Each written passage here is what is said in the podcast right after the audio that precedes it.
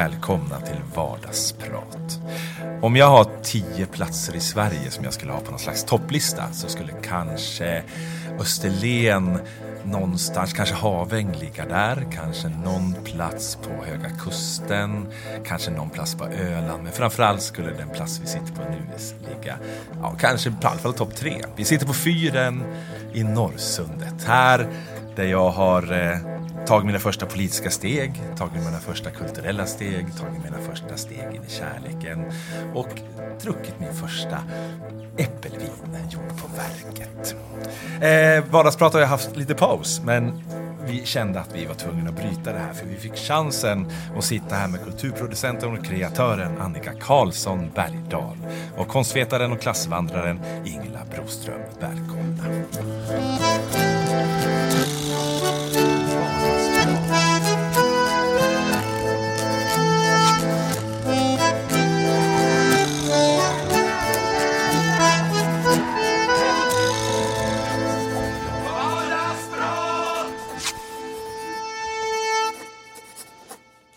Presenterar jag er på ett schysst sätt, tycker Ja. ni? Ja, det tycker jag. Sen, Jag tycker alltid det är svårt. Jag vet inte riktigt vad jag ska kalla mig. Nej, jag försökte det liksom blir- läsa på om dig på nätet. Ja, här. men det brukar bli lite olika. Jag är ju också socionom. Och jag har jobbat som journalist och jag har gjort eh, andra saker. Och sen har jag liksom halkat in på det här. Så att, Men de där andra sakerna, vet du, det är historia nu. ja, det är det. Det är det här men det du är är. det där med identitet. Att det är Ja, liksom... nej, men det är du som är kulturskapare och kreatör. Ja, ja, ja. Jag tackar och tar emot. Jag är gammal byggnadsantikvarie, men det är passé nu. Ja, Alltså det är du också? Ja, det har jag jobbat som i 25 år. Men hur landar du där du är idag? Ja, jag började jobba på kulturmiljö på Länsmuseet när mitt eh, 25-åriga yrkesförbud där hävdes när min man gick i pension. Ja. Och sen efter två år där så frågade museichefen om inte jag skulle bli chef för en publik avdelning. Nej, alltså jag har aldrig varit chef hela mitt liv och jag hade ju inte jobbat med de där frågorna eller utställningar eller någonting annat heller. Och han låg på, nej, sa jag. Så efter ett tag så kom jag på, men jag har ju tänkt i många år att det är det här jag egentligen vill jobba med och jag kommer aldrig få den här möjligheten igen. Så då sa jag ja. och sen kom allting med stänga museet och renovera, bygga nya basutställningar och hela det här. Hade jag vetat det så hade jag sagt aldrig i livet och så hade det inte hänt och då hade jag varit jätteledsen. Och det är Länsmuseet i Gävleborg vi pratar om också. Det kanske En kort sa. sammanfattning. Ja, Men du ja. hade ändå velat bli, eh, jobba med utställningar? Ja, och, och pedagogik. Väldigt länge faktiskt, därför att jag kände att kulturmiljövården och byggnadsvården, det var ju det jag ville göra från början. Men med tiden så blev det ändå så att man är så väldigt styrd av att man kan bara jobba med fast egendom. Liksom det mm. Tapeterna på väggen kan man jobba med, men så fort man blir intresserad för möbler, och föremål och människor, då, då är projektet slut. Och det var ju det jag blev mest intresserad av att berätta om allt spännande kring de här husen och jag fuskade och hade egen föreläsningsverksamhet land och rike runt med mera. Och jag visste ju att det var det här jag ville jobba med egentligen. Och det var det jag ville från början också när, när jag tänkte med en yrkeskarriär i museivärlden. Men så blev det inte. Men är museivärlden där du vill vara just nu? Alltså att är, är det spännande att jobba i museivärlden just nu? Vad händer? Ja, det är jättespännande. Ja, det händer mycket i museivärlden just nu och det är en värld under förändring. Tidigare så har det varit så att vi har varit liksom ett, ett lag av, i folkmedvetandet, lite grå experter som, som sitter och forskar och pysslar med sånt som hände för 150 eller 200 år sedan. Så är det ju inte idag, utan idag är man ute där människor befinner sig idag. Och jag tycker att det som är det bästa med det hela det är att man kan arbeta med aktuella och samtida frågor men alltid utifrån historien och ett historiskt perspektiv. Och där tycker jag, där vill jag vara. Varför ni möttes då? då? Det är väl i arbetet med vi som jobb, arbetar med våra kroppar? Ja. Eller? Var det där ni lärde känna varandra? Det var Ja. inte första gången vi träffades. Nej, det var det inte. Nej, det trodde jag. Ja, faktiskt inte. Utan vi, jag tror att vi träffades på, i Stockholm på när jag hade någon workshop med hembygd någonstans i Sverige. Alldeles riktigt på Historiska museet. Och det var någon sån här helg med Sveriges hembygdsförbund där jag då jag var förste vice förbundsordförande i, i Riksförbundet då på den tiden. Och då hade vi här träffar med eh, ordföranden och andra från rörelsen. Och så skulle det vara seminarier och kul. Och så skrev jag in mig på ett seminarium som handlade om en utställning som heter Hembygd någonstans i Sverige. Och det var en utställning som inte ens fanns då, den var inte klar. Och det där var så dynamiskt och spännande. Och jag var helt hög när jag kom därifrån mm. också. Du hade en pedagog med dig. Mm. Ja, Sen precis. jobbade jag ju på kulturmiljövården på Länsmuseet och så jag försökte ivra för att vi skulle ta den här utställningen till museet, men så blev det Nej, inte. Den kom aldrig dit. Jag hade gjort ett projekt som heter Röst där vi hade intervjuat jättemycket ungdomar eh, om inför just valet 2010 och åkte till Almedalen Eh, med 125 röster i film och foto och, och de hade broderat och gjort massa saker som vi hade stoppat in i en container och gett ut en bok. Och det här ville vi visa politikerna där. Och det gjorde vi. Eh, och eh, det var ju ett fantastiskt material och då ville jag ge mig ut i Sverige och träffa ungdomar över hela Sverige. För det, det där, vi hann aldrig annat än Göteborgs kommun den gången. Och så blev det ju val och Sverigedemokraterna kom in i riksdagen. Och jag hörde en debatt mellan eh, Jan Nordvall, som då var ordförande i Sveriges hembygdsförbund, och Mattias Karlsson. Eh, jag var generalsekreterare i Sveriges hembygdsförbund. Och, ja. Jag rekryterade honom. Ah! och då tänkte jag, då sa han, för att alltså det här med ordet hembygd, alltså Sverigedemokraterna vill ju sno det. Mm eh, och liksom lägga vantarna på det. Då tänkte jag den här utställningen ska heta det. Och så gjorde, gjorde vi en utställning och åkte över hela Sverige. Vi mm. körde 3000 mil, jag och Jerker Andersson, en fotograf.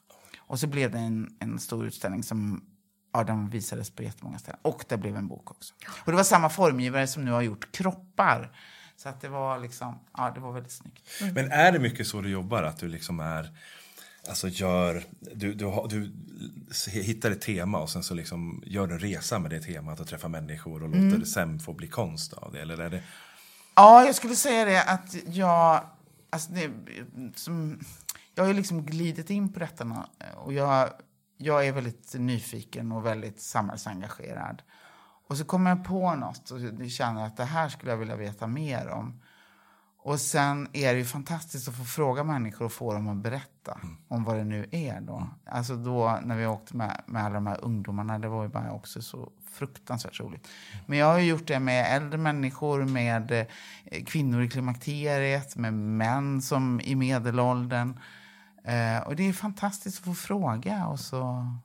och sen är det då, har jag någon sån där idé om eh, samhällsförändring och demokrati och att röster som inte kommer till tals ska få höras och så. Att det, då är ju till exempel utställningen en fantastiskt bra arena. Mm. Alltså ett museum, en utställning, alltså där kan ju människor mötas och diskutera och så. Och sen är det jättebra att ge ut en bok för att då blir det stor spridning och sen är det jättebra med pedagogiskt material eller studiematerial. Mm. Så att jag, och sen föreläsningar. Så att jag jag är lite allt i allo vad gäller kultur. Alltså jag vill inte bara göra en grej, utan jag vill att det ska spridas och bli stort. Mm.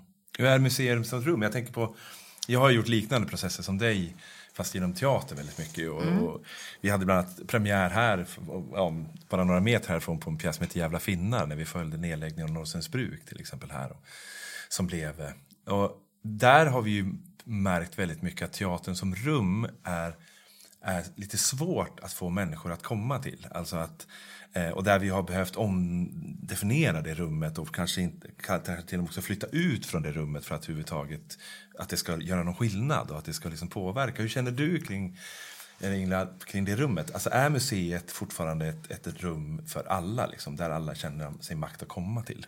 Nej, det är väldigt många som, som tror att museet är någonting annat än vad det är och det är ju ett problem som vi brottas med hela tiden. Liksom att får folk att komma in i museet, få folk att våga gå upp för den där trappan till det här stora pampiga huset.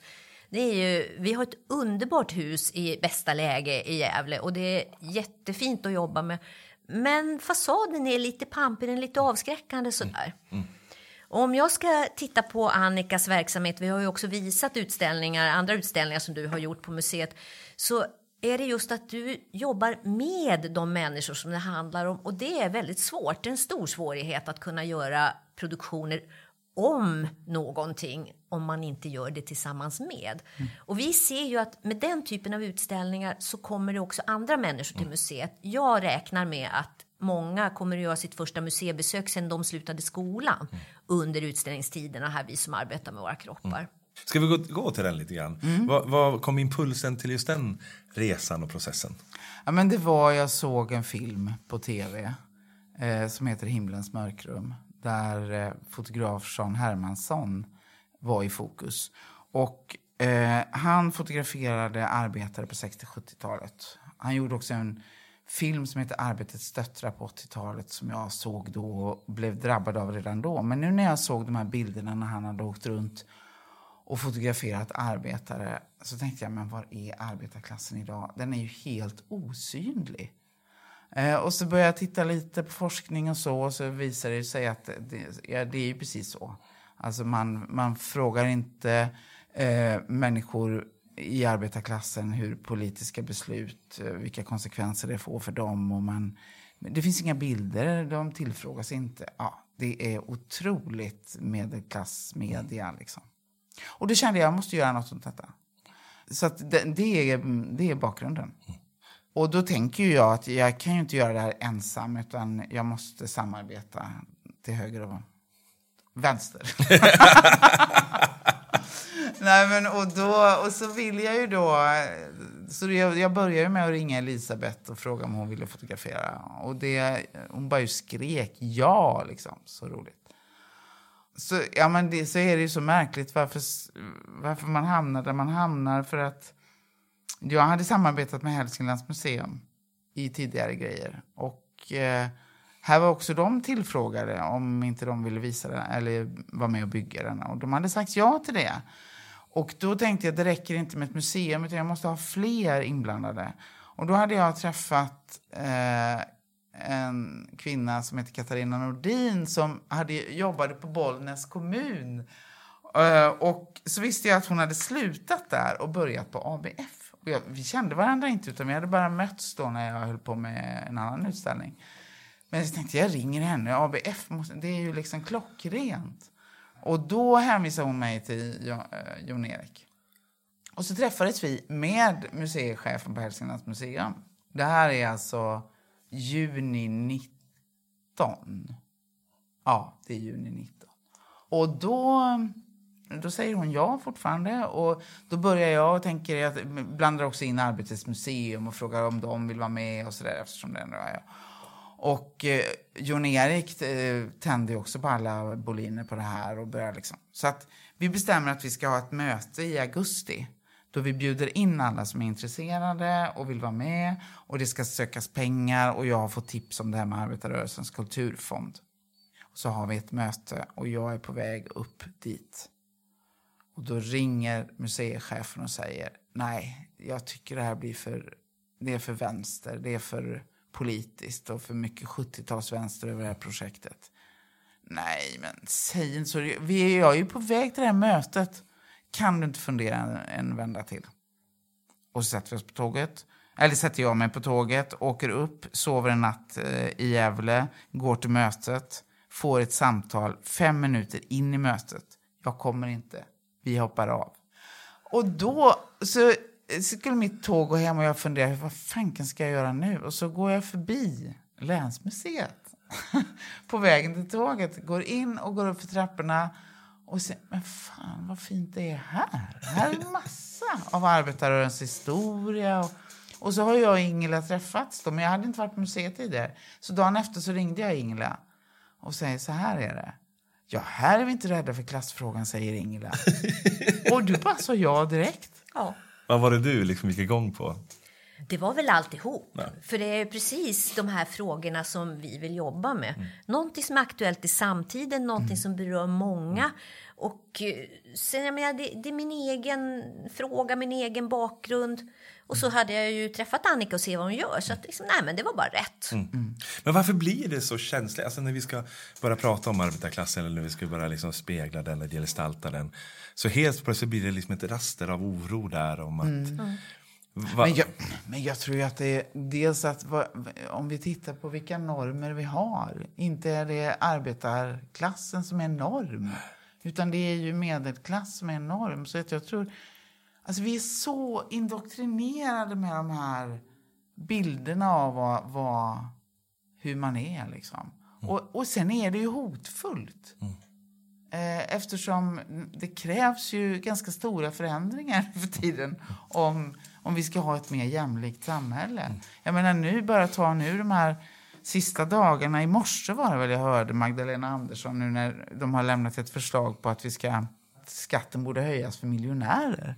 Och det blir liksom ett ramaskri, katastrof. Alltså det är ju såklart, det handlar ju om makt och det handlar om att det är ju många, många också höga politiker nu på slutet börjar uttala sig om att, att ja, men det finns inte de här jobben mer. Det är som att de inte vet om dem, att de liksom har försvunnit. Mm. Alltså att vi inte ska låtsas om att det finns mm. så många som, i, i arbetarklassen som jobbar med sina kroppar rejält. Ja. Liksom. Det är ja. som att det Det är nästan halva, halva yrkeskåren, eller liksom alla som arbetar, går till jobbet. Mm. Det är över två miljoner människor som arbetar med sina kroppar. Mm. Alltså det är helt sjukt. Och hur lite synliga och hur lite eh, de har att säga till om. Och jag är ju helt fascinerad som då inte har arbetarklassbakgrund och inte har varit inne i de här liksom stora rörelserna. Att det, vilken potential det finns alltså. Mm. Alltså det finns ju för fanken trådar ut i varenda liten stad i Sverige, över hela landet. Och jag tänker, tänk vilka förändringar om man bara fick liksom kraft och mod och fick komma fram. Mm. Liksom. Och en röst och en, ja, en scen. Ja. ja. Och ett, ett självförtroende tror jag också. Ja. Varje gång vi presenterar projektet, jag läser texter och de ser det här bildspelet, de börjar grå, flera stycken börjar gråta. Mm. För att man, ser, man är så ovan vid att, att med värdighet få den här historien berättad. Men när hände det här? Alltså, jag läste också en forskning precis där, mm. där man bland annat kollar på hur, hur, ofta arbetarklassen syns i SVT. Mm. Och det var ju bara en liten, liten procent. Alltså, ja, den är bara försvinnande procent. liten. Ja. Sen var de där andra kanalerna låg, låg bättre, men mm. sen när man kollar vad som låg bakom de siffrorna så var det rätt så här förnedrings-tv och såna här mm. grejer. Det var därför det var lite högre på de kanalerna. När hände det här? För jag minns ju ändå liksom att det fanns Alltså att, att arbetarklassen berättades väldigt tydligt om eh, väldigt länge ändå. Alltså börjar den här vandringen, vi vet att klassklyftorna börjar växa någonstans runt 80-90-talet. Mm. Där ju. Vet du någonting om det här Ingrid? Min teori är att vår bild, alla vi som lever och kanske våra generationer av arbetarklassen, det är knutet till industriarbetet. Och när Sverige avindustrialiserades då, då fanns det ingen arbetarklass längre. Jag tänker till exempel på min egen familj. Jag tänker på min pappa som arbetade väldigt tydligt. Men min mamma som då har varit vårdbiträde hela sitt liv ända sedan hon började jobba då när jag var i nioårsåldern. Hon är inte för mig en arbetare på det sättet. Alltså, det har man vaknat upp över på senare år att man ser vissa saker och andra inte. Mm. Just det. Och där tror jag att det hände. När mm. industrierna började lägga ner och den klassiska manliga arbetaren i blåställ på mm. Sandvik eller vad det nu mm. kan vara mm. försvann. Mm. Det ligger nog mycket i det tror jag. Och alltså, sen får vi inte glömma att det är en otrolig, liksom väl uttänkt Eh, idé om att eh, ett systemskifte i Sverige. Mm. Alltså allt, alltså liberala tänkare, nyliberalismen, det går en våg över hela Europa som började på 80-talet. Mm. Och, alltså, så det är ju steg för steg. Och, och jag tror också att väldigt arbetarklassen tappar sitt självförtroende när inte den här mannen längre var liksom någon att se upp till eller någon att liksom, som liksom var Ja, men det, en, en arbetarman då på 60, eller för, om vi backar ännu längre, det var ju liksom någon som hade respekt med sig. Mm. Men att, att det, man stod vilse och jag tror att... Jag tycker jag upplevt att det, det har varit väldigt vilse och man tappade berättelsen och man visste inte... Man gick på det här och, och väldigt mycket när, när det här systemskiftet börjar och, och liksom liberala tänkare börjar prata om frihet och börja använda ord som arbetarklassen tidigare hade, eller arbetarrörelsen hade använt. Mm. Och där står liksom Socialdemokratiska partiet, arbetarrörelsen och pratar om siffror och nej, men vi har, det är jättebra. Alltså, man mm. tappade sin berättelse och visste inte vad man skulle berätta om istället. Eller man hade ingenting. Blev också klassfrågan bara en, en fråga om ekonomi till slut? Jag menar, från början var ju ändå, om man kollar på arbetarrörelsens historia så var det ju var ekonomin en del, alltså liksom att jämna ut ekonomin. Sen var det bildning och det var kultur och det var massa saker som man kämpade för. Liksom, men till slut så blev det kanske en kamp som bara handlade om en till bil till eller att, mm. ja, att man började mäta det bara ekonomiskt liksom, på något sätt. Men jag tror det finns mer än så också därför att det handlar också om att att man vill ha en bild och skapa en bild av vad Sverige ska vara. Och i Sverige ska alla vara högutbildade till exempel. Och jag tror att det, det vi pratar om som bildning, det ersattes av utbildning. Och man, man ville nog tro och ge sken av att i Sverige har alla en högskoleexamen. Ja. Och då, det här andra ville man nog glömma bort då. Ja. Att man kan göra väldigt mycket och väldigt viktigt arbete för samhället utan att ha en högskoleexamen. Och man funderar, men hur fungerar vårt samhälle? Är det liksom spöken som sköter om saker och ting? Mm. När alla vi akademiker sitter och lirar på jobbet då. Men hur, hur går det till? Man tänker bort ja. den här nödvändiga oerhört samhällsbärande funktionen som alla som jobbar med sina kroppar har. Det sker av sig själv. Men cykelbudet som kommer hem med min middag från Volt, mm. liksom, mm. vem är det då? Mm. Men om, om man tittar på, för du har, du har en arbetarklassbakgrund ju. Jajamän. Eller hur? Och sen möter du den här utställningen och så här. Vad, vad har hänt med dig i den här processen? Vad har du vandrat i dina tankar när du har mött de här bilderna och de här texterna? Jag, jag har bara liksom drunknat i det här och jag tycker det är så häftigt att, att, komma in i den här utställningssalen som vi nu har färdigställt också därför att det blev, jag hade väntat mig att det här skulle bli bra men det blev ännu bättre än bra och det som är så härligt att se alla de här människorna som står på Elisabeths bild sida vid sida.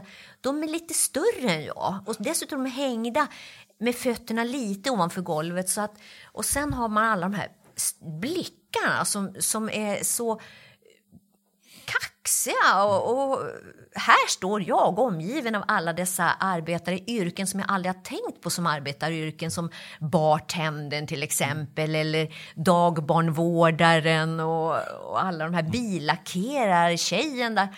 Ja, herregud, det är alla de här som får samhället att flyta man är ju så skolad i det här med att man ska ha blåst eller liksom orangea varselkläder på sig och ja, gärna vara man och ha någonting liksom tungt att bära på. Mm. Och det, det är så mångfacetterat och så starkt. Mm. Men framförallt är det blickarna. En text som liksom träffade mig som när jag mötte den. Nu kommer jag inte ihåg antal steg, men jag menar det, det, det, vi lever i när vi försöker få ihop våra 10 000 steg per dag. Och, så där.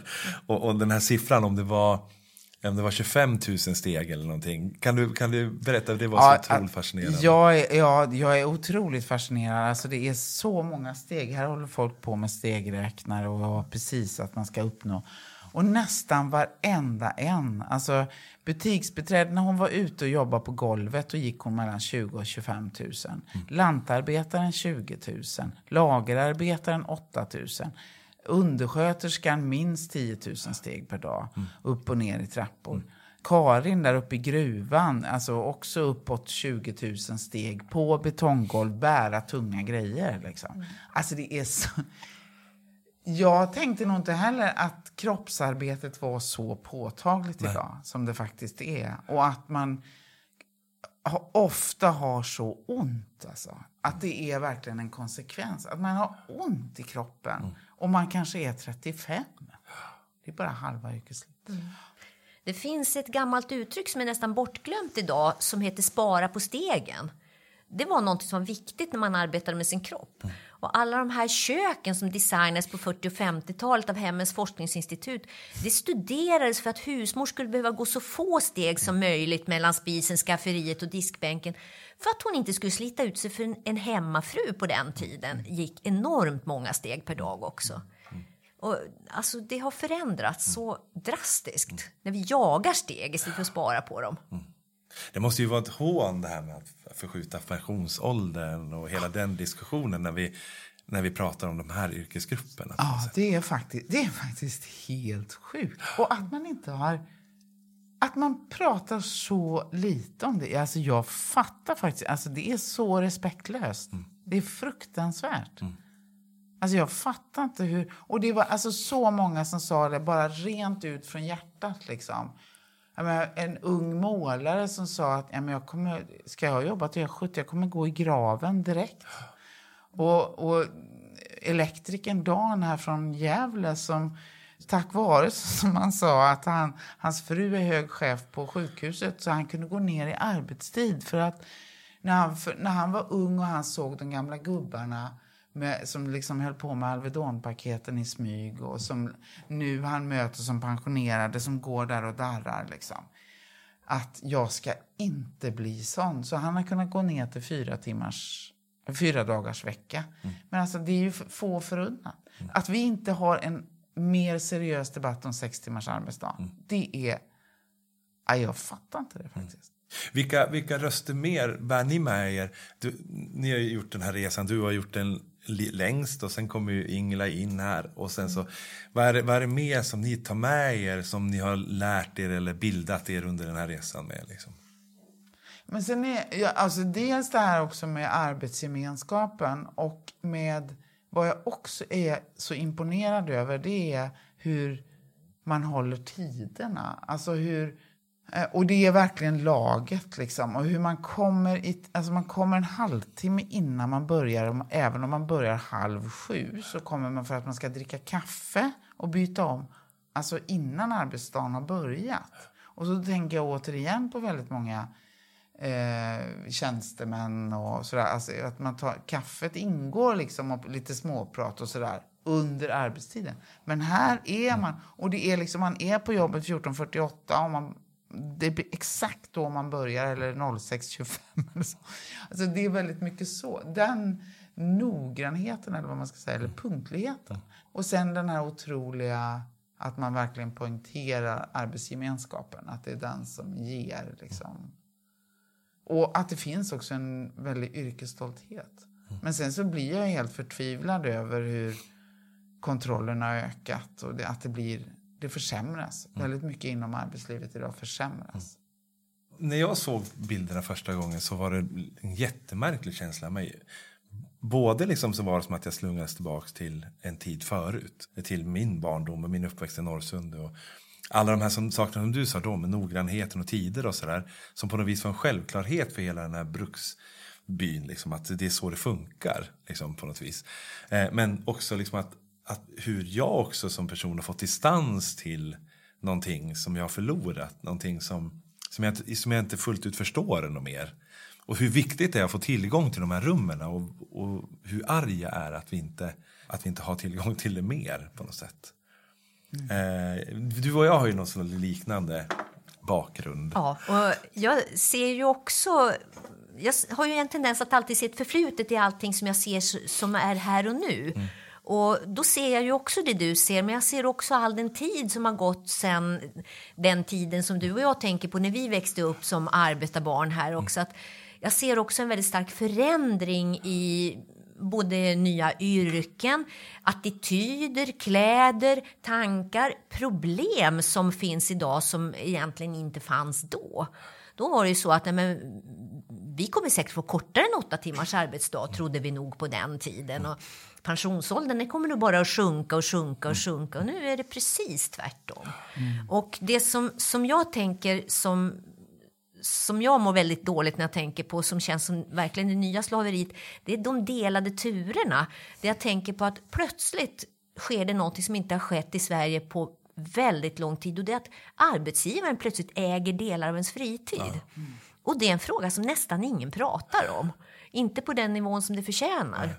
Skulle jag vara politiker idag så skulle jag vilja satsa på att bekämpa sådana saker. Ja, ja för den här utställningen är ändå den rör väl sig kring människor som har en rätt stabil eh, anställning och så, eller hur? Mm, mm. Absolut, och jag vill poängtera det, att, jag, att det här är en del av arbetarklassen ja. och att det är de som har ett arbete. Mm. För att jag tycker att om, om, det är, om man har diskuterat arbetarklassen idag så är det ofta prekariatet. Eller, alltså de, Eh, om det hamnar på kultursidorna så är det de som är, har det allra, allra sämst. Och det är skitviktigt. Självklart att vi ska diskutera det. Fruktansvärda villkor ar människor ar liksom arbetar under. Och, Och, och inte minst så, att man liksom utnyttjar så mycket sådana som inte har uppehållstillstånd och allt möjligt. Alltså det finns ju en svart marknad.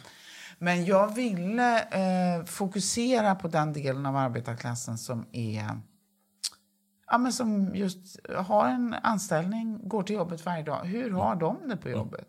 Mm. Så att det, det, det är de. Men de har faktiskt fått en sämre. Mm. Mm. Ja, så uppfattar jag det också. Ja. Det blir väldigt tydligt när man mm. ser den här utställningen. Ja, och jag vet inte. Jag har ju ett efterord av Sven-Erik Lidman som är, är idéhistoriker. Och han har skrivit en text utifrån eh, hur han minns sin barndom och ungdom när han var uppväxt liksom, i ett sånt samhälle. Och hur att, jag menar, att det var slitigt verkligen då också. Men att takten var ändå lite långsammare. Men mm. idag, de, det är så jädra mm. hårt tempo. Mm. Nästan överallt. Och sen när jag ser utställningen så påminns jag också om att arbetarklassen är också ett vitt begrepp där man har väldigt olika förutsättningar. Och det ser jag också i det här. Och, mm. och eftersom jag alltid tänker historiskt då, så tänker jag på när jag ser liksom undersköterskorna å ena sidan och de manliga specialistarbetarna å andra sidan. Och då tänker jag också på att de väldigt stora löneskillnader som finns mm. inom arbetarklassen kan ju ibland faktiskt skilja mer än vad det gör med en arbetarklass och en bra bit upp i medelklassen. Och då tänker jag på att det här är ju någonting som fanns under tidigt 1900-tal när det visade sig att man hade familjeförsörjaridealet och att kvinnorna som inte hade försörjningsideal skulle tjäna mindre än männen. Ja, men det här med lika lön för lika arbete vi har aldrig hamnat där. Därför att det är då de kvinnodominerade yrkena tjänar så mycket mindre pengar. Och det är ett arv från år 1900 eller 1889 eller vad vi nu skulle kunna vara. För att kvinnorna skulle liksom inte ta männens försörjning ifrån dem. Mm. Nej, och att vi också ja. har en så segregerad arbetsmarknad. Mm. Vi har ju en hyllning till undersköterskorna. Mm. Eh, och det är ju Sveriges största yrkesgrupp. Mm. Och det är 91 procent som är kvinnor. Mm. Och det är 9 procent som är män. Mm. Och jag har ju tre intervjuer med olika undersköterskor två som jobbar inom hemtjänsten. Och William, som är en ung undersköterska i Luleå, han hade en lön på 23 000 i månaden. Mm. Och då har han just de här delade turerna. Han cyklar två mil per dag året runt till sina vårdtagare. Han har 20 stycken på en dag. Mm. Han tjänar alltså 23 000 i månaden. Han har en hyra på 9 000 och han är ensamstående med ett barn. Och jag, jag vet Kjell som då är pappersarbetare, han och skiftesarbetare. Och det sliter ju i och för sig. Men han har ju en månadslön nästan på 50 000 med alla sina mm. skifttillägg. Och han, han säger ju det själv, att det är ju helt absurt. Alla behövs ju. Bara här på industrin så behöver ju liksom mm. han som kör trucken och städerskan och alla behövs ju. Ja. Men att det är såna grymma löneskillnader. Alltså. Men jag, jag, vill lyfta att det här beror på sega historiska strukturer och de här sega historiska strukturerna påverkar väldigt mycket i vårt samhälle. Det här är ett exempel mm. och det är man ofta inte varse i debatten. Så därför menar jag att man behöver oss på museerna som faktiskt kan tala om att det här började för över hundra år sedan mm. och varför har vi inte haft insikt nog att ta oss ur detta? Mm. Och hur ska vi komma dit? Mm. Man blir, jag, jag blir så frustrerad. Mm. Eh, jag pratade med någon äldre man en gång som sa, vad fan, jag trodde vi var färdiga med den där kampen. Liksom, va? Mm. Jag, trodde, jag trodde att vi, ja, men vi hade tagit oss till den här platån, sen får nästa generation ta oss en steg till, men att vi hade i alla fall tagit oss dit. Mm. Och sen så har vi bara liksom förstört det mm. någonstans. Vi har liksom förstört något så vackert som vi en gång byggde upp. Liksom. Och jag blir så frustrerad mm. av och så svårt att ta tillbaka liksom. Ja, det är otroligt svårt. För att när, vi, när det når till en viss punkt, en tipping point, då börjar ju också arbetarklassen och andra människor tappar tron på samhället och då, då är det hur svårt som helst att hitta tillbaks till den här byggandet igen av det här ju. Mm. Men vem jobbar för någonting som man inte ser? Vi började det här samtalet med att säga att, att ja, men det, i medvetandet så finns det nästan inga arbetare. Men så är det ju inte. Men är man inte medveten om det, ja, men varför ska man jobba på att förändra någonting då? Ja. Men apropå det då, du, där kommer ni in och så börjar ni berätta den historien. Hur, hur har facket mött det här och hur har, hur har arbetarrörelsen mött det här? Alltså... Jo, men väldigt positivt.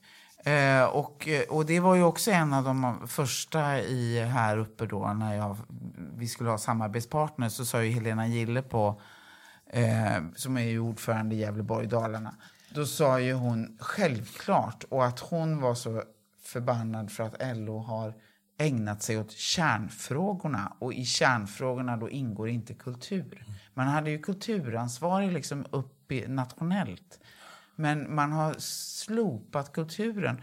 Och det är på något sätt som... det, det här har öppnat upp ögonen för väldigt många. Alltså jag... Ja, nej, nu börjar jag liksom pluppa upp i huvudet när vi gjorde en föreläsning för tio i GS-facket, alltså skogsarbetarna och sågverksarbetare. Det sitter liksom, när börjar, sitter tio eller tolv sura män och så en kvinna som då hade liksom fått reda på det här projektet och, och liksom skulle engagera. Jag tänkte, hjälp, hur ska detta gå? Men alltså det slutade med, de var ju så berörda och tyckte att och jag tror det är det där, alltså, är det, finns det inga bilder, finns det ingen liksom, är man osynlig så tror ju knappt, man själv knappt att man finns. Nej. Man måste ju få bekräftelse, man måste ju få liksom, yes, alltså fan vad viktig du är för samhället.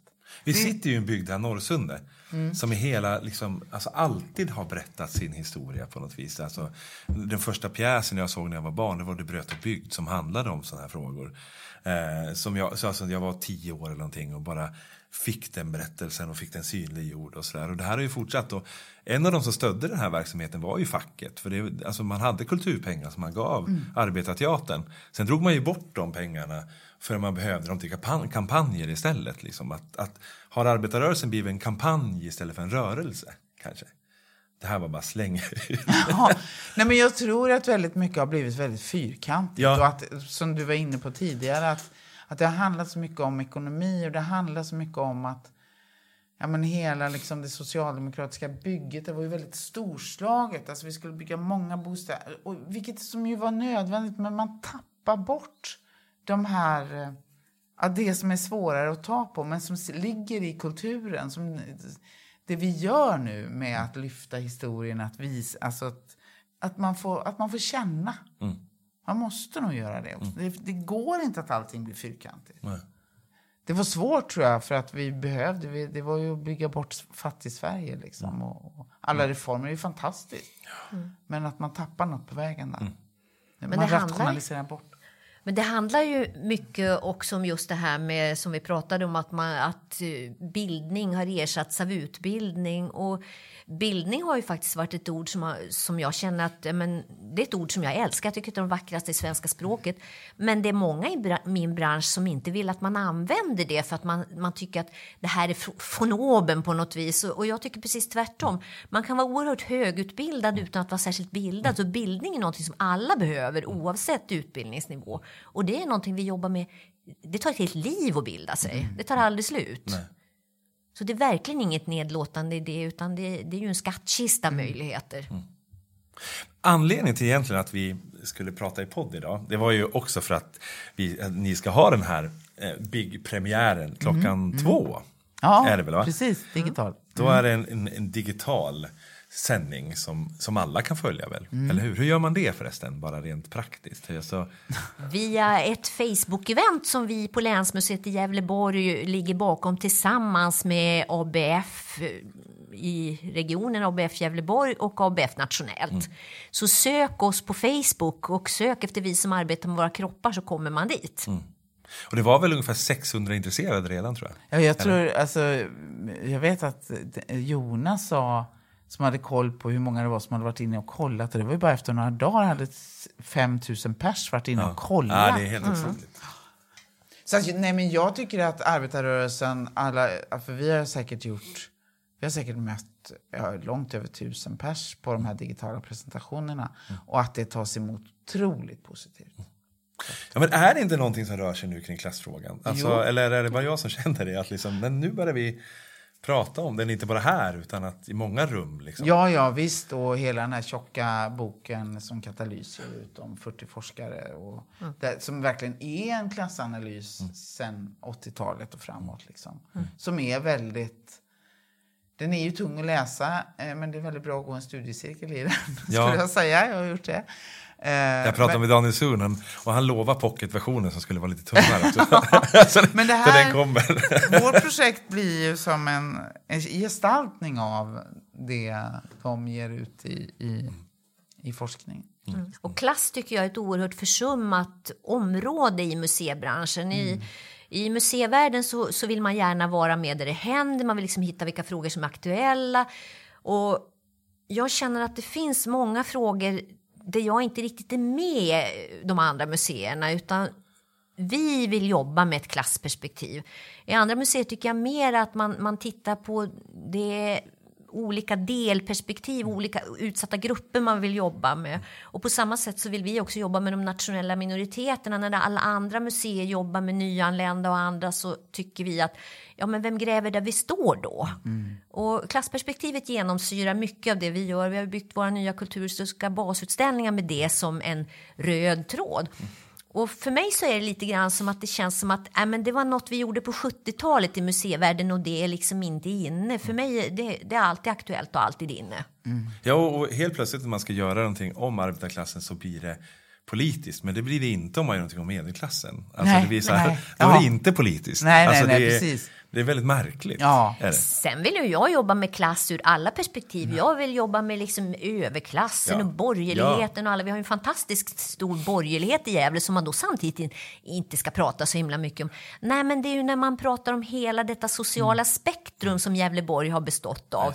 Det är då det blir riktigt spännande att börja ställa de här klasserna mot varandra och fundera lite grann. Och inte bara mot varandra utan även med varandra. För de har ju också samarbetat oerhört mycket och varit väldigt beroende av varandra och medvetna om detta beroende. Så det finns hemskt många liksom klassberättelser som ingen någonsin riktigt har sett heller här. Och de är jag ju lite besatt av att vi ska hitta. Jag tänker så här att vi, vi tar paus en vecka eh, och sen så vill jag, skulle jag vilja fortsätta prata lite grann till med er. Eh, men det kommer ut nästa vecka. Så vi säger tack så här långt.